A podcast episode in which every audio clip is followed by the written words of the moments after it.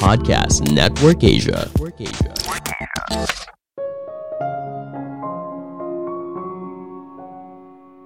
Kerja sesuai passion akan mendorong kamu bekerja lebih keras, lebih kreatif, dan mampu memberikan hasil yang memuaskan. Halo semuanya, nama saya Michael. Selamat datang di podcast saya, Sikutu Buku. Kali ini saya akan membahas bagaimana cara menemukan pekerjaan yang kamu cintai. Ini merupakan rangkuman dari video TED Talk Scott Dinsmore yang berjudul How to Find Work You Love dan diolah dari berbagai sumber. Apakah kamu mencintai pekerjaan kamu, atau yang penting dapat gaji tiap bulan? Tentu saja tujuan utama orang bekerja ya untuk mencari uang. Namun apakah hal ini saja sudah cukup? Untuk bisa bekerja dengan baik, gaji yang pantas memang faktor yang penting. Tapi jauh lebih penting adalah apakah kamu mencintai pekerjaan tersebut atau tidak. Banyak riset menemukan ketika seseorang mencintai pekerjaannya, maka orang tersebut bekerja lebih keras, lebih kreatif, dan mampu memberikan hasil yang memuaskan. Sebelum kita mulai, buat kalian yang mau support podcast ini agar terus berkarya, caranya gampang banget. Kalian cukup klik follow. Dukungan kalian membantu banget supaya kita bisa rutin posting dan bersama-sama belajar di podcast ini.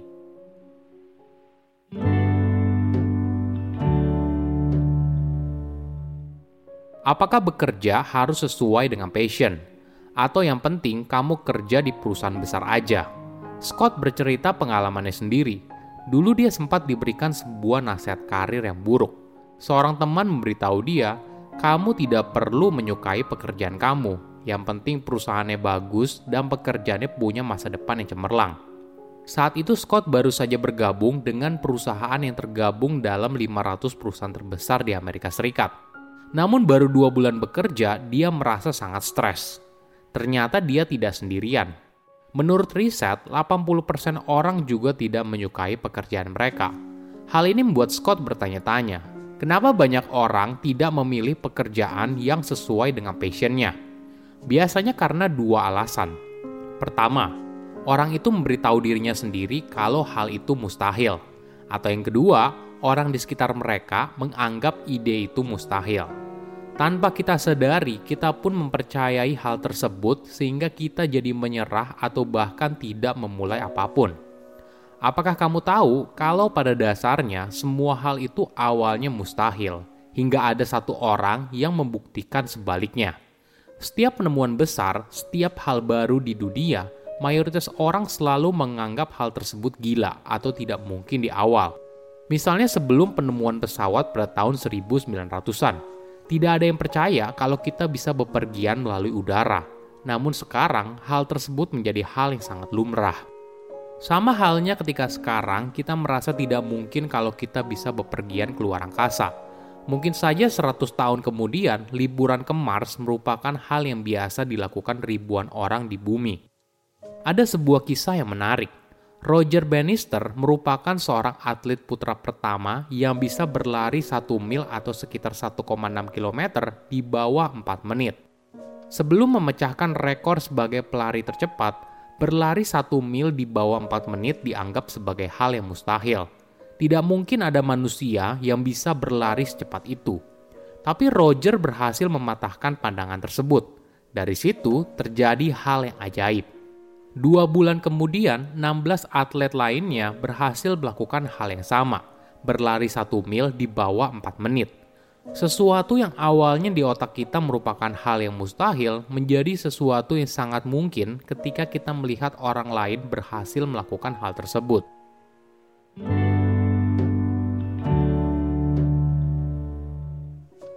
Apakah kamu pernah dengar kutipan ini? kamu adalah rata-rata dari lima orang yang paling banyak menghabiskan waktu bersama kamu. Ini merupakan kutipan dari Jim Brown, seorang pengusaha terkenal di Amerika Serikat. Tanpa kita sadari, lingkungan sekitar ternyata punya pengaruh yang besar terhadap hidup kita. Pada tahun 1898, ada riset yang meneliti sekelompok pesepeda. Peneliti itu mengukur waktu yang ditempuh oleh para pesepeda baik secara kelompok maupun individu. Menariknya, ketika pesepeda berada dalam kelompok, mereka mengayuh sepeda lebih cepat. Scott bercerita tentang pengalamannya sendiri. Selama empat tahun, dia berusaha membangun bisnisnya sendiri bernama Live Your Legend. Namun di awal merintis, bisnisnya nggak laku. Padahal bisnis ini boleh dibilang merupakan passion Scott dan dia bekerja super keras agar bisnisnya bisa berkembang. Namun sayangnya, kenyataan berkata lain. Hingga akhirnya ada satu momen yang mengubah hidup. Saat itu, Scott pindah ke San Francisco dan mulai bertemu dengan berbagai orang yang punya gaya hidup petualang yang gila mereka punya bisnis dari website atau blog yang dikerjakan dengan penuh passion. Misalnya ada satu orang yang sudah berkeluarga berjumlah 8 orang dan mereka semua bisa hidup dari blog yang dibuat oleh pria tersebut yang ditulis dua kali seminggu. Kenyataan ini membuat Scott kaget. Kok bisa ada orang yang berhasil dengan model bisnis seperti itu? Orang itu lalu menjadi inspirasi Scott untuk terus maju mengembangkan websitenya. Selanjutnya, Scott menghabiskan banyak waktu bergaul dengan tipe orang tersebut. 6 bulan kemudian, komunitas websitenya bertumbuh 10 kali lipat.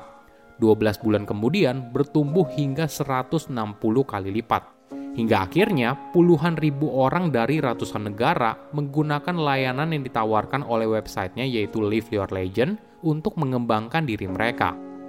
Kenapa dalam enam bulan semuanya berubah begitu cepat?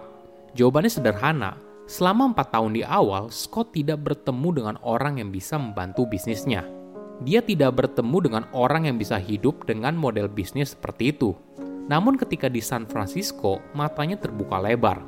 Hidup dari website dan blog itu sangat mungkin, sehingga hal ini juga berdampak positif pada bisnis yang dijalani.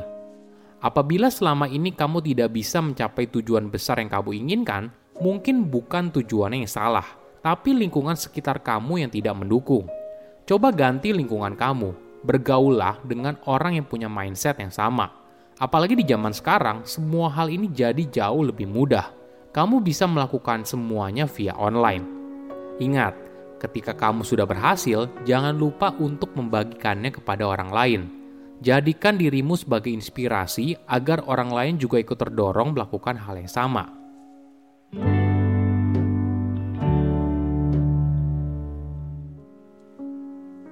Oke, apa kesimpulannya? Pertama, kerja sesuai passion akan meningkatkan kinerja. Untuk bisa bekerja dengan baik, gaji yang pantas memang faktor yang penting. Tapi jauh lebih penting adalah kecintaan kamu terhadap pekerjaan tersebut. Banyak riset menemukan ketika seseorang mencintai pekerjaannya, maka orang tersebut bekerja lebih keras, lebih kreatif, dan mampu memberikan hasil yang memuaskan. Kedua, semua itu awalnya mustahil hingga ada orang yang membuktikan sebaliknya. Setiap penemuan besar, setiap hal baru di dunia, mayoritas orang selalu menganggap hal tersebut gila atau tidak mungkin di awal. Misalnya sebelum penemuan pesawat pada tahun 1900-an, tidak ada yang percaya kalau kita bisa bepergian melalui udara. Namun sekarang, hal tersebut menjadi hal yang sangat lumrah. Sama halnya ketika sekarang kita merasa tidak mungkin kita bisa bepergian ke luar angkasa.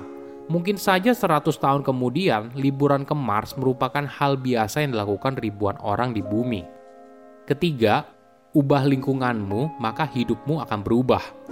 Kamu adalah rata-rata dari lima orang yang paling banyak menghabiskan waktu bersama kamu.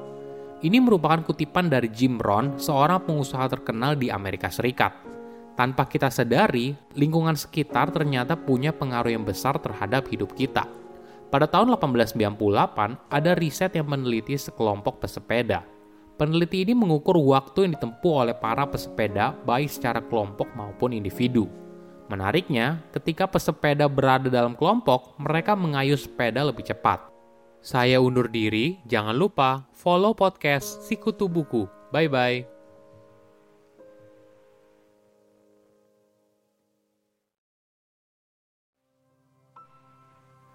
Pandangan dan opini yang disampaikan oleh kreator podcast, host, dan tamu tidak mencerminkan kebijakan resmi dan bagian dari podcast Network Asia. Setiap konten yang disampaikan mereka di dalam podcast adalah opini mereka sendiri dan tidak bermaksud untuk merugikan agama, grup etnik, perkumpulan, organisasi, perusahaan, perorangan, atau siapa pun dan apa pun.